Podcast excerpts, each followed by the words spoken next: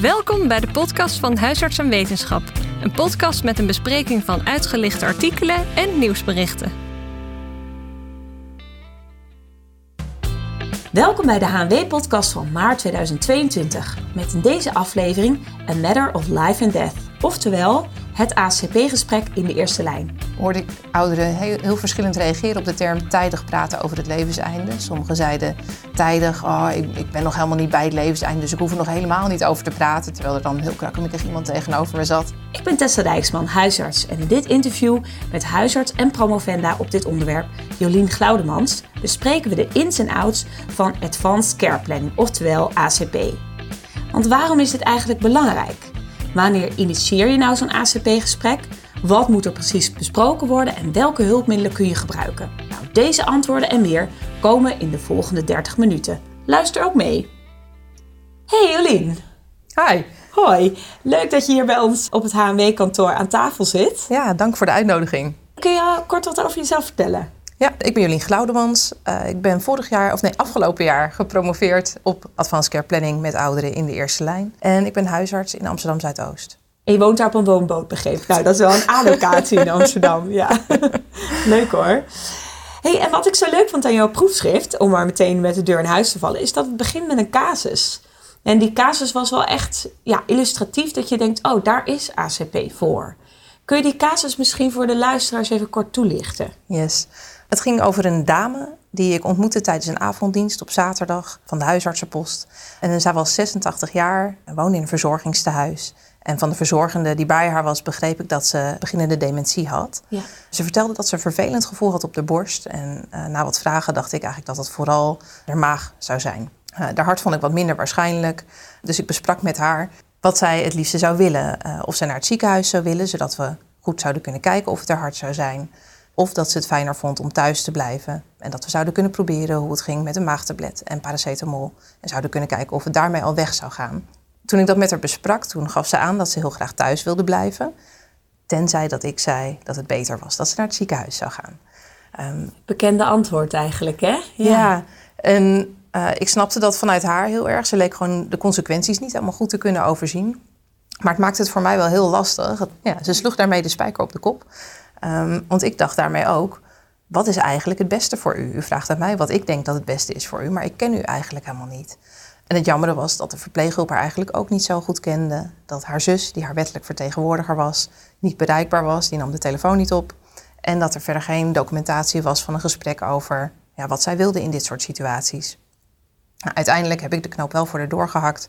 Uh, de paracetamol en omeprazol voorgeschreven de verpleeghulp geïnstrueerd dat als het minder goed met haar zou gaan of als de klachten niet binnen een dag een stuk beter zouden zijn, dat ze wel weer bij ons aan de bel zouden moeten trekken of bij de eigen huisarts. En daarmee uh, uh, was het natuurlijk ook wel weer prima.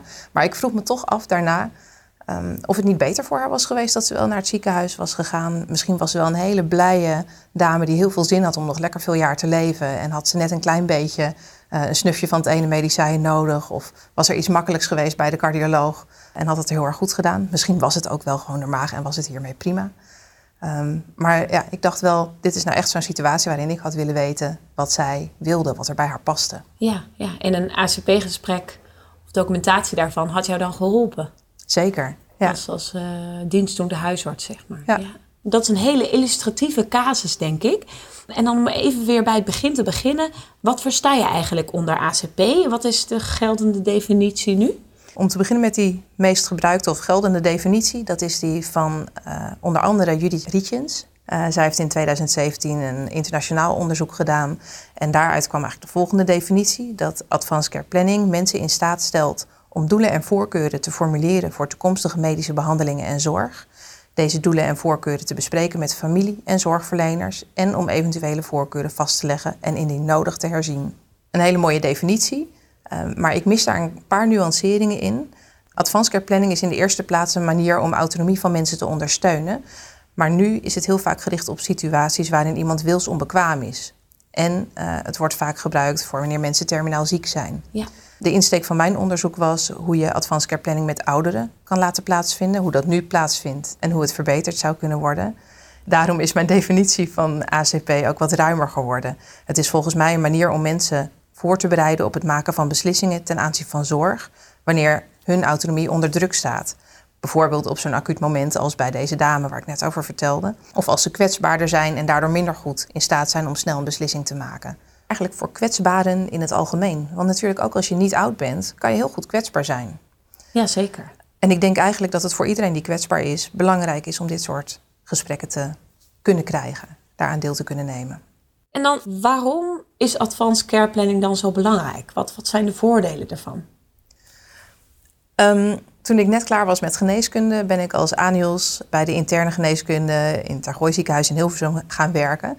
En ik moest daar heel veel mensen opnemen op de eerste hulp. Het was toen, en dat is het nu nog steeds op heel veel plekken, standaard om mensen, uh, met mensen dan een codegesprek te voeren. En zo'n codegesprek gaat over reanimeren, over intensive care opname en dat soort dingen. Dat kennen we denk ik allemaal, ja. Ja, ik vond dat uh, rare gesprekken en ook vaak niet zo prettig. Um, ik was natuurlijk uh, nou ja, net uit de schoolbanken. Jong. Um, zo groen als gras. En ik kende mensen nog niet. Mensen waren ziek, vaak bezorgd. Het was een hele drukke eerste hulp. Dan moest ik tegen ze zeggen, ik heb een standaardvraag. Ik denk helemaal niet dat dat nu met u gaat gebeuren. Maar wat als het nou slechter met u gaat en uw hart ermee stopt? Wilt u dan wel gereanimeerd worden? Nou, er was een deel van de mensen die daar al eerder over had nagedacht. En die kon daar best goed antwoord op geven. Maar ook een heel groot deel van de mensen die ontzettend schrokken, moesten huilen en vaak hele defensieve antwoorden gaven. En dan zeiden van ja, maar ik wil gewoon alle zorg. En dat werd een vreemd getouwtrek, want dan waren het vaak mensen waarvan ik dacht, ik weet niet zeker of het nou wel bij u echt goed is om u nog te gaan reanimeren als u in die situatie zou komen. U bent 95, beginnend dement en Precies. heeft allerlei comorbiditeiten. Ja. ja, Um, dus toen vroeg ik me af, zijn er eigenlijk huisartsen die dit ook al bespreken, maar op een rustiger moment? En als ze dat doen, hoe doen ze dat dan? En is dat iets wat we misschien meer zouden moeten gaan doen? Toen ik later de huisartsopleiding ben gaan doen en ik weer mensen zoals die dame in de casus uh, in het begin tegenkwam, toen sterkte dat eigenlijk mijn, uh, mijn idee. Ik denk als we dit soort gesprekken niet van tevoren voeren met mensen, dan moeten we hun autonomie overnemen op zo'n moment. En dan kunnen heel veel mensen niet zelf een goede beslissing maken die echt bij hun past. We weten natuurlijk allemaal dat sommige behandelingen mensen kunnen schaden en dat ze soms niet bij ze passen. Um, maar dus dat het op acute uh, momenten heel lastig is en vaak ook belastend is om dit soort beslissingen te maken als je er voor het eerst over moet nadenken. Ja. Mensen hierop voorbereiden op een rustig moment kan dit dus ja, veel makkelijker maken en kan ervoor zorgen dat mensen zorg krijgen die beter bij hun past. Um, ja, volgens sommige deelnemers van ons onderzoek hoort het zelfs bij goede zorg. Is het een onmisbaar onderdeel ervan om deze reden. Dus waarom dit belangrijk is voor huisartsen, is dat huisartsen kunnen helpen, mensen kunnen helpen om voorbereid te zijn op dit soort beslissingen op een acuut moment. Zodat ze dus op een rustig moment, wanneer ze niet ziek zijn en minder bezorgd zijn, goed kunnen nadenken en een betere, weloverwogen beslissing kunnen maken.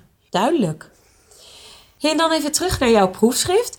Hoe heb je dit aangepakt? Want wat ik las is dat je onder andere de timing, de inhoud, de barrières en de ethische vraagstukken hebt onderzocht. Um, het is een combinatie van kwalitatief onderzoek en literatuuronderzoek wat we hebben gedaan. Um, en dit is een soort onderzoek wat heel goed past bij als je wil weten wat alle verschillende manieren zijn hoe iets nu plaatsvindt. Dus hoe advanced care planning nu plaatsvindt en wat goed werkt, wat niet goed werkt en waarom. Ja. In hoofdstuk 1 hebben we daarom een literatuuronderzoek gedaan naar wat er al werd gedaan aan advanced care planning in de eerste lijn. Um, en in de hoofdstukken daarna hebben we ouderen en naasten geïnterviewd over hun ervaringen en meningen over advanced care planning in de eerste lijn. We hebben huisartsen geïnterviewd over hun ervaringen. En we hebben huisartsen en andere zorgverleners met veel ervaring met ACP, met ouderen in de eerste lijn, over hun ervaringen met barrières ten aanzien van ACP geïnterviewd.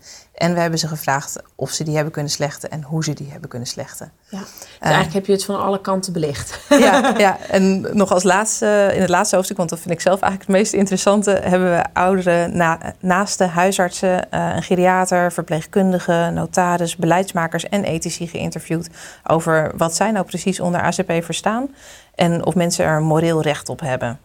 Ja, en dan was eigenlijk de probleemstelling inderdaad kennis vergaren over hoe de ACP in de eerste lijn nu gaat, zodat we daar lering uit kunnen trekken. Wat schort er aan? Uh, nou, gelukkig schort er wat aan uh, voor mij. Uit uh, de eerste deelstudie, dus die literatuurstudie en de eerste interviews met huisartsen en patiënten, bleek dat ACP vooral op hele verschillende manieren plaatsvindt en maar met een hele kleine groep. Uit een studie uit 2011 bleek dat ongeveer een derde van alle mensen die aan een niet-acute doodsoorzaak overlijden, deelnemen aan ACP. En wat dan de verschillen zijn uh, die we vonden, uh, dat zat hem vooral in de timing en in de onderwerpen die besproken worden. Ehm, dus in de ene studie werd bijvoorbeeld ACP gedaan met mensen met kanker of met dementie. Soms werd het alleen gedaan wanneer mensen initiatief nemen of als een dokter affiniteit heeft met dit soort gesprekken. Soms wordt er alleen reanimatiebeleid besproken of alleen euthanasie. En een andere keer worden gigantische lijsten aan mogelijke scenario's en behandelbeperkingen besproken. Dus er is veel variëteit. Er is heel veel variatie. Dat is er denk ik nog steeds en dat is deels denk ik goed.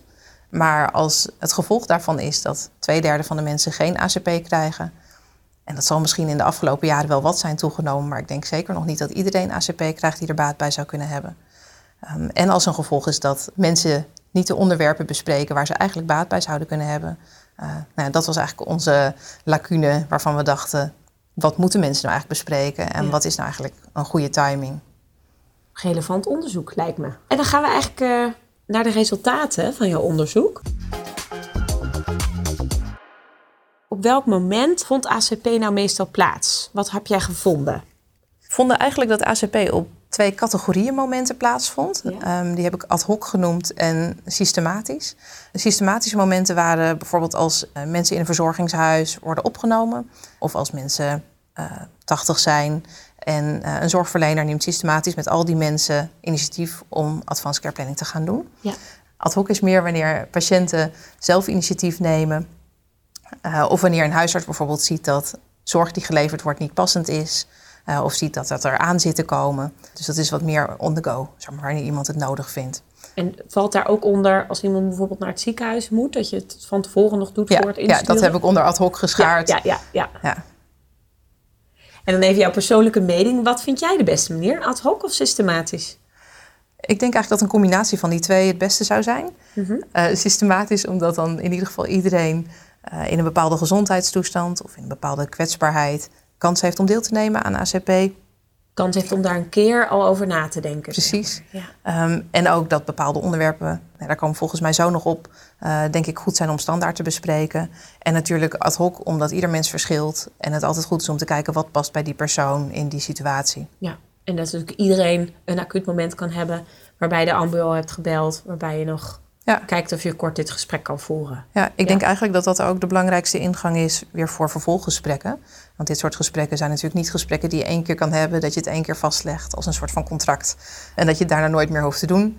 Het idee is dat uh, juist als je het systematisch aanpakt en je bespreekt het bijvoorbeeld met alle ouderen of alle kwetsbare patiënten in je praktijk, dat je dan later daarop kan terugkomen. Als bijvoorbeeld iemands kwaliteit van leven heel erg achteruit is gegaan, of als je ziet dat er toch zorg wordt geleverd waarvan jij denkt dat die niet passend is dat je dan opnieuw weer het gesprek kan aangaan en kan zeggen: nou, We hebben het hier eerder over gehad. Hoe kijkt u nu naar wat u eerder hebt gezegd? Ja. En wat vond jij de beste openingszin? Zijn er ondersteunende folders die jij gebruikt om ACP aan te kaarten? er zijn wat bekende folders, eh, zoals de KNMG handreiking, tijdig praten over het levenseinde. Um, ook thuisarts heeft natuurlijk best wel wat informatie online staan. Dus ook in de afgelopen jaren behoorlijk aangevuld. Er zitten hele goede dingen bij. Um, maar wat ik daar lastig aan vond, was dat er nog steeds vaak wordt gesproken over levenseinde. En ik merkte dat in interviews en ook gewoon in de praktijk, wanneer ik dingen met patiënten besprak, dat een deel van de patiënten het prima kon hebben over het levenseinde, maar ook een heel groot deel dan dichtklapte. Uh, zinnen die uit mijn onderzoek naar voren komen, die dan heel erg kunnen helpen om het gesprek te openen, um, is eerst eens vragen hoe iemand in het leven staat, hoe het met iemand gaat. En dan vragen hoe iemand naar de toekomst kijkt. Ik deed dat in interviews eigenlijk om mijn ouder een klein beetje te leren kennen. Dus degene met wie ik de interviews ging doen, als introductievragen. En daar kwam zoveel uit waarvan ik dacht, ik wou dat ik dat als huisarts wist. Mensen zeiden vaak dan al als eerste, terwijl ze nog niet eens wisten waar het interview precies over zou gaan. Zeiden ze van, oh, maar als ik morgen niet meer wakker word, dan uh, ben ik heel blij. Of als ik dan eindelijk naar Jan, die daarboven is, kan gaan, dan ben ik heel blij. Terwijl een ander weer zei van, oh, maar ik wil nog lekker en ik heb dit en dat en mijn moestuin. En, en dus eigenlijk in een paar zinnen, het duurde helemaal niet zo heel lang, kreeg ik dan al een hele goede indruk van hoe iemand naar zijn toekomst keek en wat dus ook daarvoor zorg bij zou kunnen passen. De laatste vraag om ACP te introduceren is wat mensen voor situaties echt willen voorkomen. In welke situaties ze niet terecht willen komen. Eigenlijk kan iedereen hier ook antwoord op geven. En iedereen, nou, heel veel mensen die ik tegenkwam hadden wel een soort van doemscenario in hun hoofd. Van ik wil niet eindigen als kastplantje. Of ik wil uh, niet dement worden in een bejaardentehuis. Als ik het even mag herhalen, dan zeg je eigenlijk van... hoe staat u nu in het leven? Hoe ziet u de toekomst? En zijn er situaties die u specifiek wil voorkomen? Ja, precies. Ja. En dan over het ACP-gesprek. Wat is nou de beste manier om dit vorm te geven? Ga je bij mensen langs? Laat je je POH-ouderen dit deels ook doen? Uh, vraag je altijd de eerste contactpersoon mee? Of... Ik denk dat daar wel veel manieren voor zijn om dat te doen. Als je het meer systematisch aanpakt, dan vond ik groepsvoorlichtingen ontzettend leuk. Er waren best wat respondenten die ervaring hadden met het geven van groepsvoorlichtingen aan ouderen en naasten. Over praten over zorg voor wanneer je ouder wordt, het levenseinde. Het werd een beetje verschillend geïntroduceerd. Ja, grappig, daar is er recent nog een nieuwsitem over geweest in het huisarts en wetenschap. Inderdaad, de, nou ja, de effecten van dit soort groepsvoorlichting. En dat patiënten daardoor ook makkelijker naar hun eigen huisarts gingen om, om dit eens even te bespreken. Ja. ja. ik hoorde eigenlijk bij dit soort groepsvoorlichtingen alleen maar positieve ervaringen van zorgverleners, van uh, ouderen, van naasten. Ze werden vaak zo goed bezocht uh, dat ik hoorde zelfs in een paar gevallen de brandvoorschriften werden overschreden met het aantal mensen wat aanwezig was. Ja. Dit was voor coronatijd nog. Oké, oké, ja. maar um, het is gewoon een hele weinig bedreigende manier uh, voor mensen om uh, ja, eens te praten over een redelijk beladen onderwerp. Omdat het gewoon nog niet over hun direct zelf gaat. Ja. En omdat er vaak ook een gelegenheid is om vragen te stellen. Um, horen mensen ook van anderen waar ze tegenaan lopen en waar ze over nadenken. Ik denk dat ACP in deze vorm, überhaupt eigenlijk ACP, vooral ook voorlichting is. Mensen kennen vaak euthanasie, maar hebben heel weinig kennis van palliatieve zorg, helaas. En, en soms wel echt die doemscenario's, ja. hè, die situaties die ze willen voorkomen. Ja, en uh, helaas ook vind ik zelf, omdat euthanasie een hele goede PR erachter heeft zitten. Um, ja, vind ik eigenlijk dat er vaak veel te weinig aandacht is over wat wij allemaal kunnen tegenwoordig met palliatieve zorg. Want ik denk dat heel veel mensen ook nare ervaringen hebben in het verleden. Wat soms 50 jaar geleden is of uh, eh, 30 jaar geleden, toen we echt nog een stuk minder konden. Ja. Um, dus ik denk dat voorlichting daarover, bijvoorbeeld in zo'n uh, bijeenkomst met meerdere mensen, een heel uh, goede start kan zijn. En daarnaast is het natuurlijk goed om gewoon mensen één op één te spreken. En dat kan je zelf initiëren of in je huisartsenpraktijk. Maar dat kan ook prima tijdens visites. Ik denk dat het vooral het belangrijkste is dat je niet gigantische tijdsdruk hebt. Dus ik hoorde van veel huisartsen dat ze het het liefst aan het einde van de spreekuur deden. In ieder geval een dubbel consult ervoor inplanden. Je moet er dan natuurlijk wel die tijd ook voor hebben. Um, mensen voelen dat als je met je jas aan zit. Um, dan vinden mensen het veel moeilijker om dit soort toch best wel hele persoonlijke dingen te vertellen. Um, daarbij denk ik dat het goed is om naasten in principe uit te nodigen. Tenzij dat mensen dat zelf lastig vinden of je het gevoel hebt dat het een hele ingewikkelde band is. Dan zou ik ja, aanraden om eerst iemand één op één te spreken. Uh, en daarna wel die naaste er ook bij te vragen. Want op het moment dat iemand minder goed zelf in staat is om een beslissing te nemen. En dat gewoon lastiger vindt dan zullen die naasten daar waarschijnlijk een grote rol bij gaan spelen. Dus is het ook fijn dat die hetzelfde verhaal horen van de patiënt over hoe die naar de toekomst kijkt. Uh, en ook van ons als zorgverleners hoort over wat er mogelijk is en wat er ook niet mogelijk is. Ja, ja. En vind je dan dat huisartsen vooral een case finding moeten doen? Dus hè, bijvoorbeeld, oh, deze patiënt is kwetsbaar, daar ga ik dat gesprek mee aan. Of dat, dat je dat systematisch zou moeten doen, dat je kijkt wie is er kwetsbaar in mijn praktijk, dan maak ik een lijst van en die ga, vink ik allemaal af. Ja, in een ideale wereld waarin we die tijd hebben, denk ik dat het onwijs goed zou zijn als we al onze kwetsbare patiënten zouden uitnodigen voor een gesprek. Ik denk dat het uh, het meest efficiënt is om dan te beginnen met zo'n groepsvoorlichting. Ik denk dat dan heel veel mensen al heel veel vragen beantwoord hebben gekregen. Ja. Um, en dan mensen ook uit te nodigen voor individuele gesprekken. Maar het kost wel tijd. Ja. Hey, jij vertelde eerder al dat er dus nou, in de literatuur heel veel variëteit is gevonden in wat er in zo'n ACP-gesprek besproken wordt. Wat vind jij nou dat onderwerpen zijn die sowieso aan bod moeten komen? Um, ik denk die eerste drie vragen waar we het net over hadden, dat die sowieso goed zijn om standaard met iedereen te bespreken. Ja, dus nog even in de herhaling. Hoe staat u nu in het leven? Hoe ziet u de toekomst? En wat zijn situaties die u het liefst wil voorkomen? Ja, andere onderwerpen die denk ik heel belangrijk zijn om te bespreken naast die eerste drie vragen, is dat je eerst uitlegt wat überhaupt het doel is van het gesprek. En dat doel is dus dan om mensen te ondersteunen, om beslissingen te maken op acute momenten die bij hun passen. Ja. En dat hun naasten, hun zorgverleners, daarvan zo goed mogelijk op de hoogte zijn, zodat die kunnen helpen beslissingen te maken die bij diegene passen. Dan snapt iemand ook dat het in zijn of haar belang is en dat het niet het belang is van uh, een zorgverzekeraar om zo min mogelijk kosten uit te geven, waar sommige mensen heel gevoelig voor zijn. En wat helaas ook af en toe trouwens gebeurt. Er zijn ook zorgverzekeraars die zeggen: ga dit soort gesprekken voeren. Dan gaan wij meten of je minder kosten maakt in verwijzingen. Dat is natuurlijk een hele nare prikkel. Als mensen het gevoel hebben dat uh, het doel van het gesprek kostenbesparing is, dan ga je niet prettig zeggen wat je wil en wat je niet wil. Dan ben je gewoon sneller bang dat je niet de zorg krijgt die nodig is of die je wil.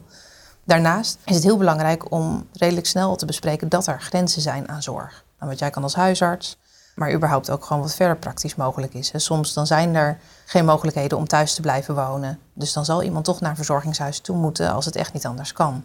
Wat er nu soms gebeurt is dat mensen eerst aangeven wat ze zelf willen. En dat we vervolgens zeggen, oh maar dat kan niet. Dus dat mensen zeggen, ik wil gereanimeerd worden. En dat je dan zegt, oh maar dat vind ik helemaal niet verstandig. En dan krijg je een soort van getouwtrek. Ja. En als je eerst aangeeft, wat ik net zei over verzorgingstehuizen... of mensen van uw leeftijd of in uw gezondheidstoestand... zien we dat reanimeren heel veel kwaad doet. eigenlijk veel meer kwaad doet dan dat het goed doet. Dat de kansen gewoon heel slecht zijn dat je daar nog goed uitkomt. En dat je dan vervolgens iemand laat formuleren wat diegene zelf wil... Uh, dan kan hij een veel gewogenere beslissing maken, maar dan krijg je niet dat rare getouwtrekken. Een van de respondenten noemde dat iemand een koekje geven en hem vervolgens weer terugpakken. Ja. En dan, dan krijg je ja, een rare situatie. Verder is het belangrijk dat mensen snappen dat er ook gevolgen zijn aan dit soort gesprekken.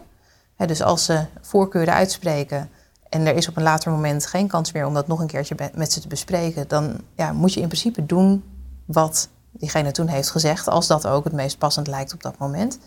Dat betekent dus ook dat mensen zelf ook een verantwoordelijkheid hebben. En het is ook belangrijk om ze dat te vertellen. Dus als ze andere inzichten krijgen, omdat hun kwaliteit van leven misschien verandert of omdat ze andere ervaringen hebben gehad in de tussentijd, dan is het heel belangrijk dat zij dat ook bespreken met en hun naasten en jou als zorgverlener.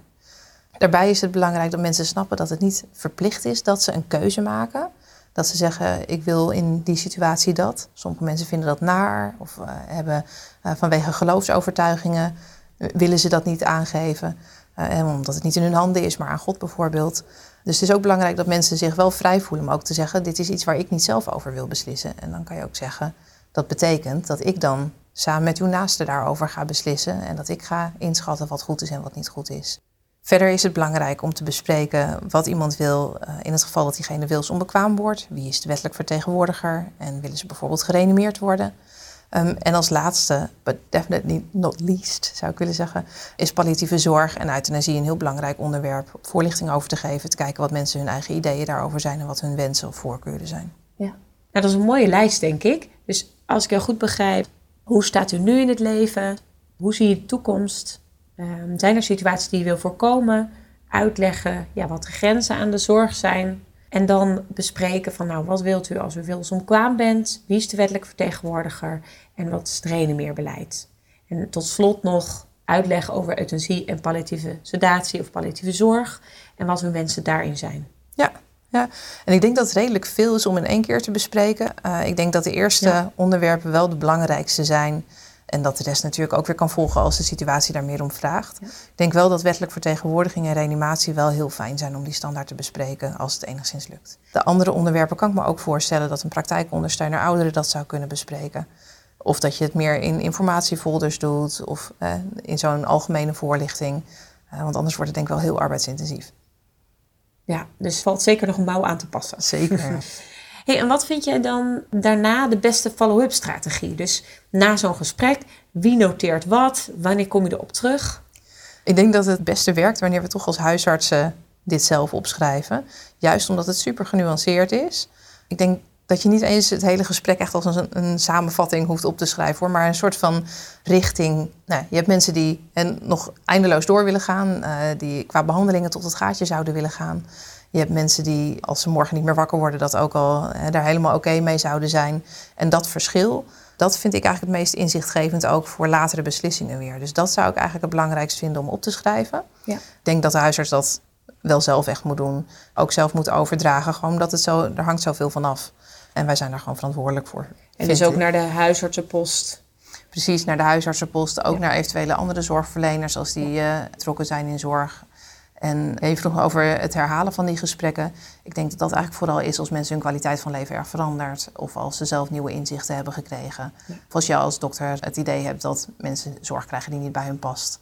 Ja. Maar dan kun je ook de patiënt aanspreken op zijn of haar eigen verantwoordelijkheid om als ze hun mening wijzigen, daar zelf mee te komen. Ja, zeker. zeker. Ik kan me ook voorstellen, maar het lastige is dat hier mijn onderzoek nog niet heel conclusief over was, omdat iedereen iets heel anders doet en niemand eigenlijk een, een hele nee, niemand heeft een manier waarvan die zegt, nou dit werkt echt perfect.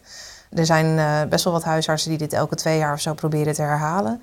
Ik denk dat dat ook wel weer heel veel werk kan zijn. Ja. En dat het, er is niet echt een speciale reden waarom het elke twee jaar zou moeten zijn of elke vijf jaar. Of, dus nee, ik ben daar vooral heel benieuwd naar uh, ervaringen die nu gaan worden opgedaan ook weer. Ja. En naar aanleiding van dit interview kunnen mensen ook reacties insturen. Oh, leuk. Dus dat zou je ook leuk vinden om te horen. Ja, daar ben ik echt heel benieuwd naar. Nou, dus mensen, heb je een tip voor de beste ACP-strategie? Mail het Jolien. Hey, dan nog even terugkomen op het, uh, nou, het noteren door de huisarts zelf van het gesprek. Waar doe je dit? Want als je het gewoon in de cursus staat, dan ja, ik denk wel dat het daar wel thuis hoort. Maar wat ik zelf nu, en dat is ook een beetje weer op basis van, uh, van de respondenten, ik leer natuurlijk van hen en probeer het dan weer zelf uh, uit in de praktijk, is om het als probleem te noteren. Uh, soms wel met hoofdletters, lekker schreeuwerig, zodat het opvalt. Ja. En ik denk hoe je het precies noemt, daar kan iedereen zijn eigen methode wel een beetje voor vinden. Ik vind namelijk, als je levenseindegesprekken noemt of ACP-gesprekken, en dat zijn onze medische jargontermen, die kunnen we ervoor gebruiken. Maar ik merk dat als je dat naar patiënten gebruikt, dat die daar eigenlijk weinig mee kunnen. Ja, in, in mijn proefschrift doe ik ook wel een pleidooi voor überhaupt een andere term, omdat ik advanced care planning, naast dat het natuurlijk een Engelse term is, ook gewoon niet zo gelukkig gekozen vind. Uh, advanced wordt door heel veel mensen gewoon anders uitgesproken als advanced, waardoor het geavanceerd betekent. Uh, planning klinkt eigenlijk alsof uh, de toekomst heel maakbaar is, alsof je het kan uitplannen, uitstippelen. Um, nou, en dat is natuurlijk alles behalve. Ja, ik zou het meest voorstander ervan zijn om het in het Engels dan, als het in het Engels zou moeten, voor de internationale luisteraars, future care conversations willen noemen. Praten over toekomstige zorg, praten voor wanneer je ouder wordt. Dat zijn de termen waar onze respondenten in ieder geval veel enthousiaster van werden en veel makkelijker ook het gesprek daarover aangingen dan wanneer we het levenseinde noemen of tijdig praten over het levenseinde noemen. Ja, dus we moeten eigenlijk een soort. Jij zou opteren voor een soort rebranding naar. Ja, wat natuurlijk lastig is, want nu is dit een term waar iedereen aan gewend is. Ja. Dus misschien moeten we het gewoon lekker ACP blijven noemen, maar wanneer we het naar patiënten een naam geven. En ik denk eigenlijk wel dat dat handig is. Want dan kan je ook, wanneer iemand in het ziekenhuis wordt opgenomen, zeggen: Nou, u hebt misschien met uw huisarts al eens over toekomstige zorg gesproken. Um, ik wil daar nog eens met u over praten op dit moment. Want zijn er, bent u van gedachten veranderd? Of hoe, vind, hoe kijkt u er nu tegenaan? Het is wel makkelijker als je er een term voor hebt die patiënten ook snappen. Die ook landelijk door iedereen gebezigd wordt, ja. zeg maar. Ja, ja dus KNOG. Ja. Pak dit op als jullie volgende luisteren. keer nog iets aanpassen. Ja. Hey, en om terug te komen op je promotieonderzoek. Um, je hebt heel veel hulpverleners gesproken. Welke barrières kwamen zij nou tegen bij zo'n ACP-gesprek? Er waren eigenlijk drie hoofdgroepen aan barrières. De eerste, die kwam eigenlijk ook al uit eerdere literatuur naar voren. We hebben de respondenten in mijn studies hebben we deze barrières ook voorgelegd en ook gevraagd of zij nog andere barrières zelf hadden. En dan kwamen we dus op deze drie categorieën uit. Een gebrek aan kennis en vaardigheden en een negatieve houding ten aanzien van ACP. Andere barrière was dat patiënten vaak een gebrek aan initiatief hadden of weinig open stonden voor ACP. En als derde was een eh, gebrek aan tijd. Dat, ook dat laatste kan ik me heel goed voorstellen. Zeker, ja. zeker. Maar het tweede punt wat je noemde, dat mensen er soms uh, niet over willen praten, dat zou je misschien kunnen ondervangen door het anders te introduceren. Zeker. Gewoon te zeggen van, ik wil u graag goed leren kennen, eh, zodat we in de toekomst ook, dat ik weet wat u zou willen. Ik denk dat het een heel groot verschil maakt. Ik merk dat als ik aan mensen die vragen zo algemeen stel, dat iedereen daar eigenlijk wel over in gesprek wil. Mensen vinden het vaak prettig om gezien en gehoord te worden. En dat is eigenlijk wat je doet in dit soort gesprekken. Het geeft heel veel vertrouwen, heel veel rust. En dat je hen als zorgverlener kent. Vaak voor naasten is het ook heel prettig om te horen van diegene, van een oudere, hoe hij of zij in het leven staat. Soms is dat ook nog best een verrassing voor sommige naasten. Dus je krijgt veel meer dat alle koppen één kant op staan. Heel veel zorg makkelijker. Heel anders dan als je zegt, we gaan het hebben over reanimatiewensen of levenseinde. Zeker. Ik merk zelf ook nog wel eens dat het een valkuil is. Helemaal als iemand net een paar keer in het ziekenhuis is geweest en weer allemaal heftige opnames heeft gehad. Waarvan ik denk, oh, ik weet niet of dit nou echt. Nou, is dit nou nog wel goede zorg? Is dit niet meer schadelijk? Dat ik dan toch soms te makkelijk begin over behandelbeperkingen. Ik heb helaas ook gehad dat dan deuren wel weer dicht gingen. En dat iemand uiteindelijk overleed in een reanimatiesetting, waarvan een partner dan uiteindelijk zei: uh, Ik weet toch niet of dit nou echt was wat we wilden. Hij zei het wel dat hij dit wilde, maar dit was afgrijzelijk. Nou, daar leer ik ook weer van. Ja. Um, de gesprekken aangaan op die veel minder bedreigende manier. Daarmee kom je wel vaak uit met wat, iemand wel, wat wel en niet bij iemand past. En kom je vaak ook uiteindelijk prima bij voorkeuren ten aanzien van reanimatie. Uh, maar dan heb je wel eerst de kans gehad om te zien wat voor iemand diegene is. En heb je een kans gehad om wat voorlichting te geven. En dan kan je eens kijken wat iemand nog steeds wil. Ja. Hey, en jij zei al van ik zit in Amsterdam Zuidoost, heel veel verschillende culturen. Zie je daar nog verschil in dat ehm, ja, met gesprekken over het levenseinde en hoe je dat moet introduceren? Ja, ik heb vooral het idee dat ehm, levenseinde een, een, wat minder aansprekende term is. Uh, ik merkte ook, maar dat had misschien niet eens zozeer te maken met de diversiteit van de populatie, maar ook in de interviews um, hoorde ik ouderen heel, heel, verschillend reageren op de term tijdig praten over het levenseinde. Sommigen zeiden tijdig, oh, ik, ik, ben nog helemaal niet bij het levenseinde, dus ik hoef er nog helemaal niet over te praten. Terwijl er dan heel krakkemikkig iemand tegenover me zat. Of dat iemand zei tijdig, oh dan ben ik vast te laat, nou dan hoeft het niet meer. Um, of dat mensen levenseinde gewoon niet zo goed begrepen. Uh, ik heb dan in mijn praktijk best veel mensen waarvan Nederlands niet de eerste taal is, of die wat lager opgeleid zijn. Um, en dan is levenseinde gewoon best een moeilijk woord. Nee, begrijpelijk, ja. Hey, en dan toch nog even ja, ten aanzien van die tijd, wat ook als barrière werd genoemd door de hulpverleners.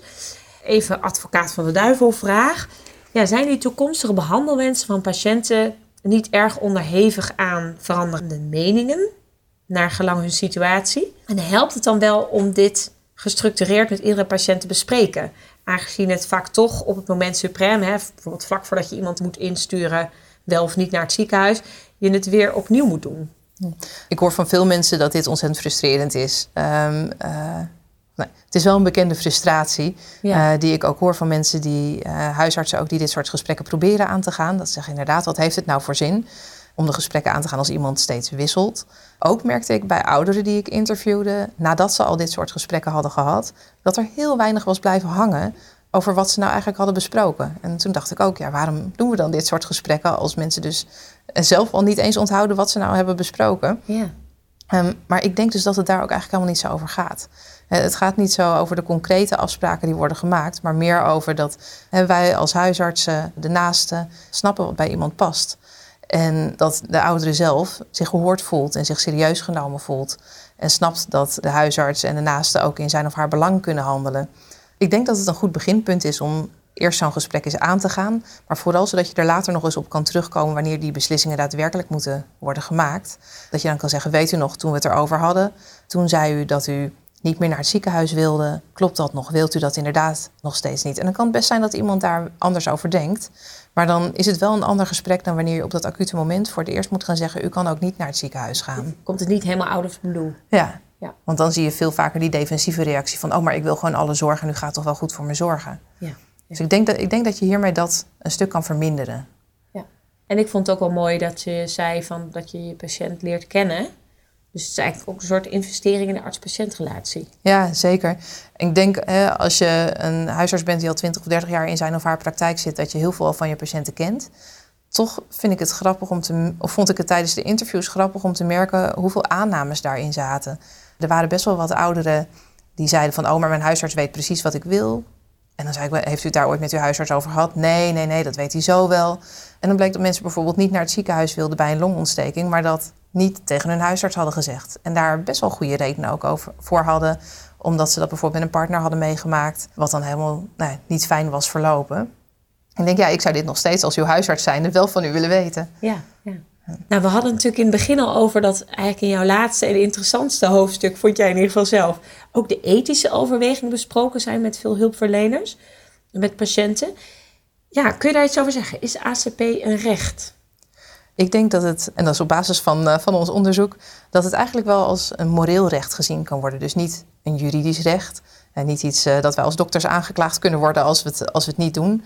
Maar meer een, een recht in de zin van dat het hoort bij goede zorg. Als je het niet doet, hebben mensen best een grote kans op zorg die hun kwaad kan doen, die schadelijk kan zijn. En de respondenten vonden dus eigenlijk dat niet alleen voor ouderen dit iets was wat uh, je zou moeten aanbieden, maar dat eigenlijk iedereen hier misschien wel een moreel recht op heeft. Dus ook jonge mensen. Hè, want het kan ook zo meteen de deur uitstappen en onder een auto komen. Ik hoop dat natuurlijk niet. Maar dat is eigenlijk waar dit soort gesprekken oorspronkelijk vandaan komen. In Amerika zijn er in de jaren 60 een aantal, twee dames geweest die door een, een ongeluk en door een overdosis in een coma terechtkwamen. Die nooit hadden aangegeven wat ze wilden. En die eigenlijk in leven werden gehouden met beademing en zondevoeding. Daar zijn toen rechtszaken over geweest van familie, omdat die dachten dat het eigenlijk helemaal niet bij die patiënten paste. En daar zijn de wilsverklaringen, uh, is die beweging een beetje uit voortgekomen. dat even een beetje ter illustratie van dat het eigenlijk voor iedereen wel goed is om eens gewoon met je naasten te praten over of er situaties zijn die jij misschien zou willen voorkomen. Dus zodra je 18 bent, naast je donorregister, bespreek ook even wat je eventueel zou willen. Ja, niet als verplichting, maar het zou op zich niet slecht zijn. En misschien zelfs wel ellende kunnen voorkomen. Want stel dat ik nu de deur uitstap en niemand weet wat ik wil, ik raak in een coma. Ja, dan vind ik het best heftig dat mijn partner moet gaan beslissen of hij me nog in leven gaat houden of niet. Terwijl, nou, ik heb dit onderzoek gedaan, dus ik heb het er ook wel eens met hem over gehad. dat hij, weet, dat ik niet helemaal eindeloos in leven hoef gehouden te worden. En dat kan hem ook weer steunen in zo'n situatie. En natuurlijk is die kans hartstikke klein. Hè? Dus het ook niet groter maken dan dat het goed kan zijn om eens dit soort onderwerpen te bespreken. Maar um, dat morele recht, om het nog even terug te trekken naar mijn eigen onderzoek, want daar kan ik nog wel wat meer over zeggen. Bij kwetsbare ouderen vonden we het eigenlijk heel belangrijk dat dokters dit soort gesprekken aangaan. En dus als het gaat om iedereen die niet kwetsbaar en niet oud is, voor andere doelgroepen denk ik dat het niet per se een dokterstaak hoeft te zijn om dit soort gesprekken te doen. Maar dat het bijvoorbeeld ook uh, een overheidscampagne zou kunnen zijn of iets van patiëntenverenigingen ja. uh, om eens informatie over te verspreiden. Ja, in mijn onderzoek kwam vooral dus naar voren dat voor kwetsbare patiënten uh, het een taak is van een dokter om dit te bespreken. Omdat het belangrijk is dat iemand met medische kennis ook van hun situatie goede voorlichting kan geven over hè, wat wel en niet bij iemand past. Uh, dus dan is het zeker niet bijvoorbeeld zoals dat sommigen het nu doen, een taak van de notaris om uh, een wilsverklaring daar vast te leggen. Want de notaris kan helemaal geen voorlichting geven over dit soort medische onderwerpen. Dus dat hoeft ook niet. Het is ook niet wettelijk nodig.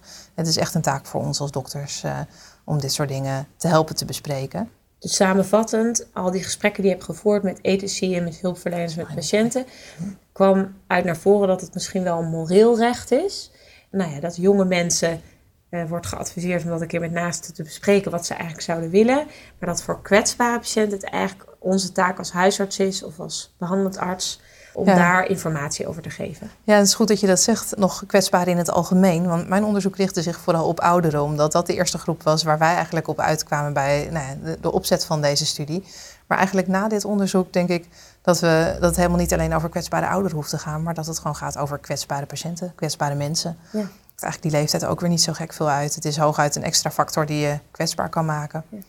Um, wat ook nog wel goed is om hierbij te zeggen, is dat het goed zou zijn om dit aan iedereen aan te bieden, eh, mits het aan bepaalde voorwaarden voldoet. Als je dit soort gesprekken aanbiedt op een manier dat het heel bedreigend is voor mensen, zoals eh, eigenlijk nog gebeurt op de eerste hulp, wanneer dat de eerste keer is dat mensen dit soort gesprekken hebben, dan kan, je zelfs, worden?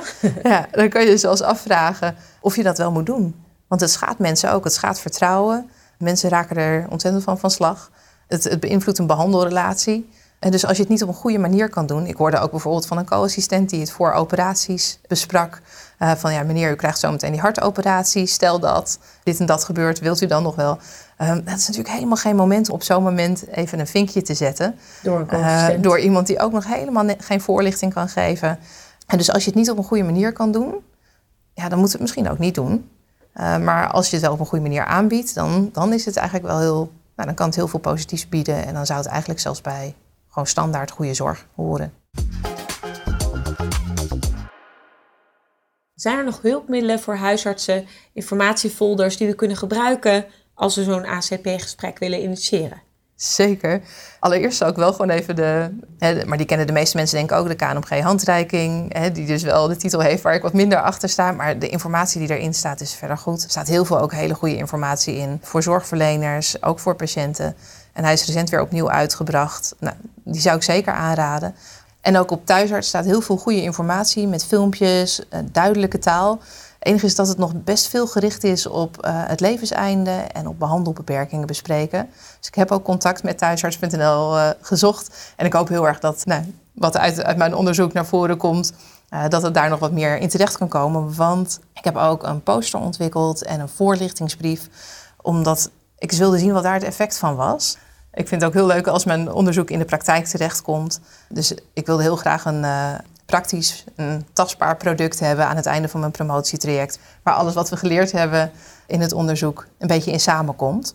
Nou, en jullie zien dit natuurlijk niet, maar wij hebben hier de poster liggen. Hij is inderdaad, vind ik, heel aansprekend. En veel meer vanuit het positieve, van wat zijn uw wensen. Ja, en ik kan me voorstellen dat dat minder afschrikt. Tenminste, dat je... Ik heb hem ook voorgelegd aan ouderen en naasten. En die gaven bij eerdere voorlichtingsmaterialen, ook uit andere studies. We hebben wat verschillende dingen aan mensen voorgelegd. Gaven ze aan dat het vaak veel te ingewikkelde taal was, visueel te weinig aantrekkelijk.